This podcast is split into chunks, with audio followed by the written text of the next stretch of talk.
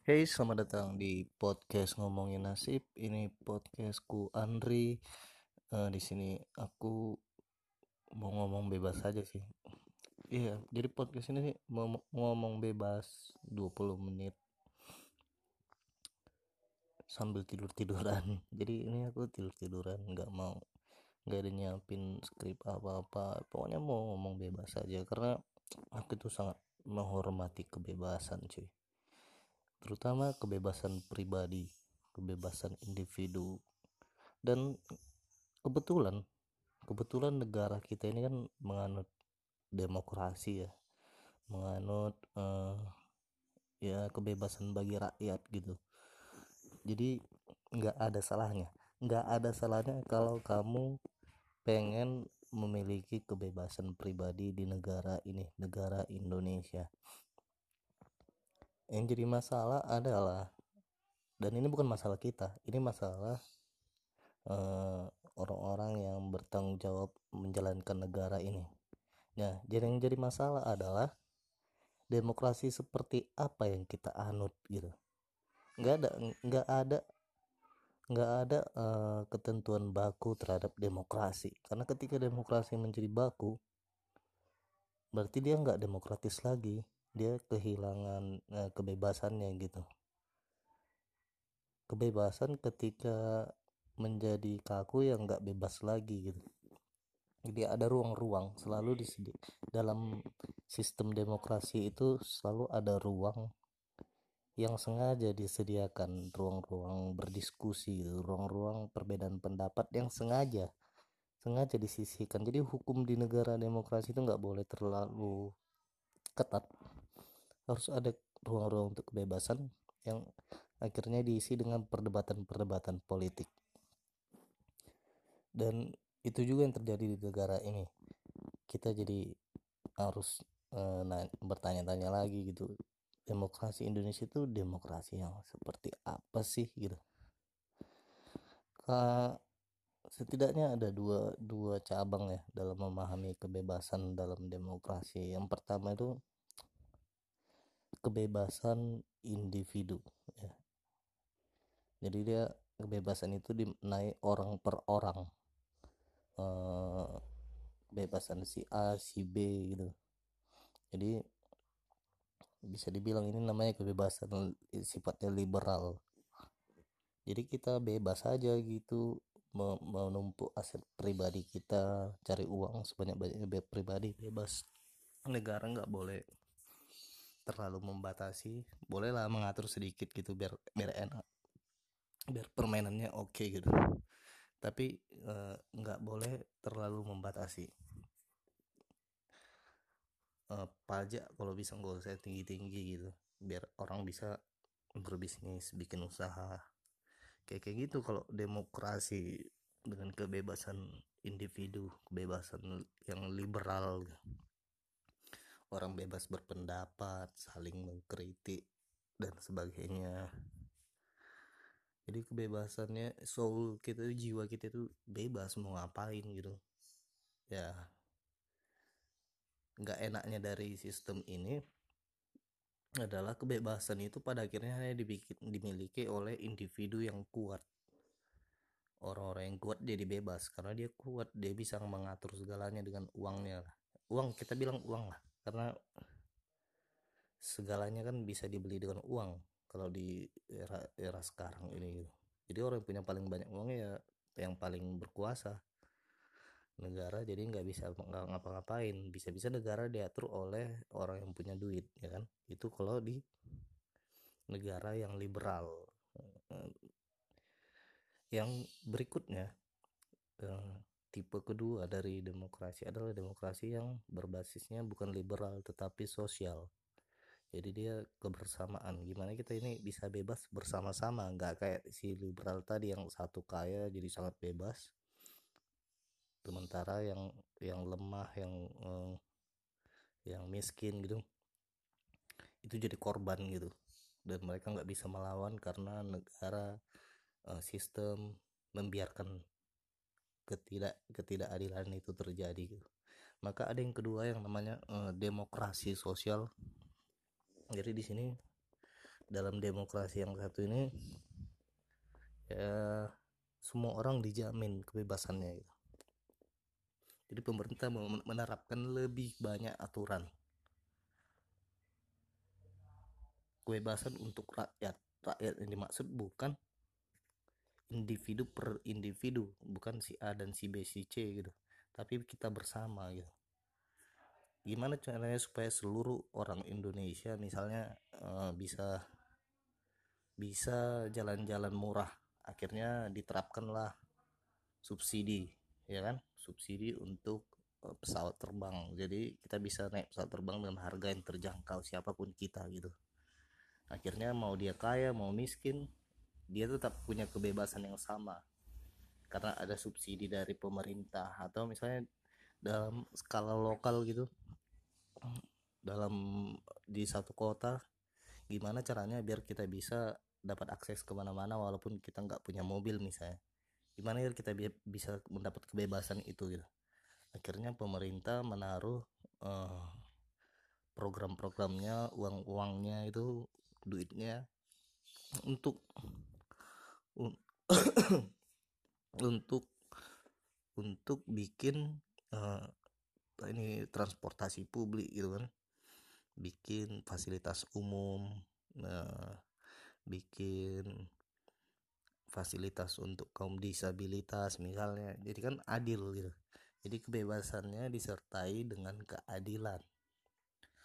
Itu sih dalam demokrasi yang kedua yang tipe berbasis sosial ini. Nah masalahnya ketika kita pakai demokrasi sosial nih yang berbasis kebersamaan tadi itu tanggung jawab negara jadi lebih besar. Dan hak hak negara juga jadi lebih besar juga gitu. Dia punya kewajiban yang lebih besar tapi dia juga punya hak yang lebih besar. Dia bisa uh, membatasi orang-orang lain gitu. Dan uh, proyek yang dipegang jauh lebih banyak nah ini masalah juga cuy. Ini masalah karena kayak di Indonesia itu pemimpin uh, apa namanya bukan pemimpin sih pemimpin para pimpinan gitu. Orang-orang yang menjabat para pejabat itu doyan korupsi cuy jadi semakin banyak proyek yang ditanganinya semakin besar peluangnya untuk korupsi. Itu masalahnya itu masalah di demokrasi sosial ini. Dan dia bisa jadi lebih bisa membatasi pendapat orang.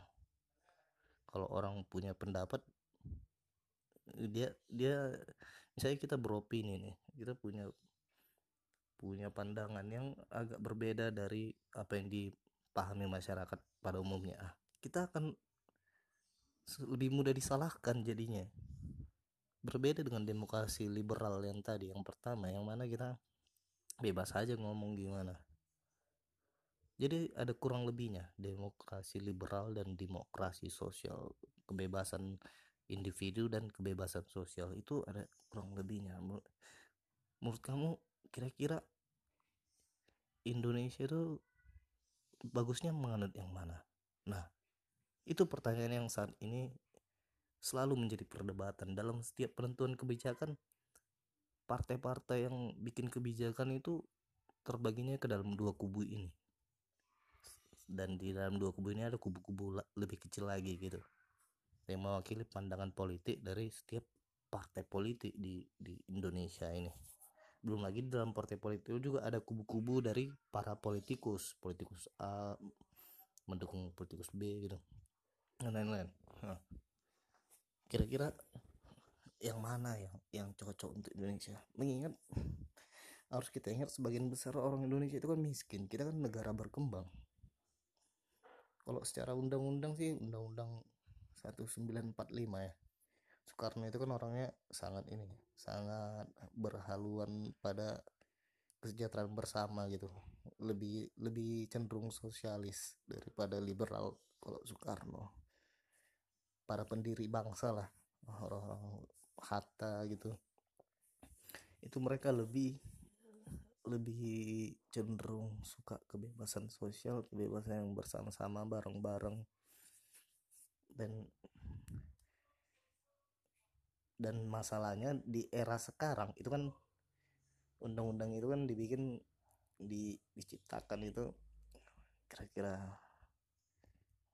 tahun 45 gitu kan itu kan jauh sama sekarang kondisinya. Kalau zaman sekarang semuanya udah serba duit. Orang-orang udah itu tadi korupsi gitu kan. Kenapa orang bisa korupsi? Karena orang pengen duit pengen jadi pebisnis. Akhirnya uh, pro proyek negara juga dibisnisin gitu. Dijadikan lahan bisnis. Kan itu dia. PNS PNS tapi otaknya otak entrepreneur gitu akhirnya uh, modal-modal negara yang di diolah di di dikapitalisasi dijadiin bisnis untuk kepentingannya pribadi. Padahal itu duit negara gitu aset negara fasilitas negara. Tapi ya gitulah. Apa kalau misalnya kita demokrasi liberal sebenarnya itu lebih bisa lebih cocok untuk membuat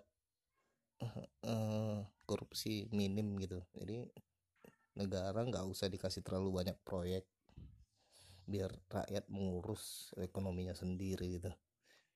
Ekonomi diserahin kepada pasar. Biar apa yang terjadi di jual beli yang ada di jalanan di mall di pusat-pusat jual beli gitu biar itu yang yang menjadi basis ekonomi rakyat bukan kebijakan negara gitu. Negara cuma bisa mengatur supaya tidak terjadi kecurangan. Contohnya gitu. Tapi kalau itu terjadi ya balik lagi ke kondisi rakyat Indonesia yang sebagian besar miskin. Kalau kita pakai sistem kayak gitu yang semuanya diserahkan kepada pasar kepada uh, proses jual beli belaka gitu ya kita akan jadi korban dari pengusaha-pengusaha besar gitu. Yang sebagian besar Indonesia ini kan jadi korban dari pengusaha besar. Orang-orang yang dari luar negeri gitu. Pengusaha-pengusaha asing jadi datang ke Indonesia terus mengeruk alam Indonesia misalnya. Mereka bikin tambang bikin ini bikin itu. Nah kita ya cuman jadi pekerja kecil gitu kan. Itu kalau sistemnya liberal tadi itu kita jadi korban. Tapi itu bisa meminimalisir korupsi tadi nah, itu dia. Jadi tricky sih. Kebebasan itu tricky. Kita kita nggak bisa mendapat uh, acuan yang pasti terhadap yang mana kebebasan yang bagus gitu. Karena ketika kita udah dapat acuan pasti kita nggak bebas lagi. Itu juga masalahnya gitu. Jadi kita harus berdiri di dua kalau menurut gue ya, untuk mendapat kebebasan yang sejati itu ya, kebebasan yang benar-benar bebas. Kita harus berdiri di dua alam. Kaki kita di kanan dan di kiri itu beda ya. Akhirnya kita bisa bebasnya dalam artian ya kita mau ke kiri boleh mau ke kanan boleh. Itu baru bebas yang sesungguhnya gitu kita nggak terikat oleh ketentuan-ketentuan terikat tapi nggak terikat banget gitu. Nggak nggak nggak terlalu terikat. Nggak nggak saklek di kiri doang atau di kanan doang. Jadi kita bebas ke kanan kiri sesuai dengan tantangan hidup yang kita alami. Karena semua orang tantangan hidupnya beda-beda cuy. Manusia itu tantangan hidupnya beda-beda. Dan tantangan hidup yang beda-beda membuat kita ini memiliki kebutuhan hidup yang berbeda-beda juga dan kebutuhan hidup yang berbeda-beda membuat kita punya selera yang berbeda-beda juga. Jadi memang dunia kita ini warna-warni.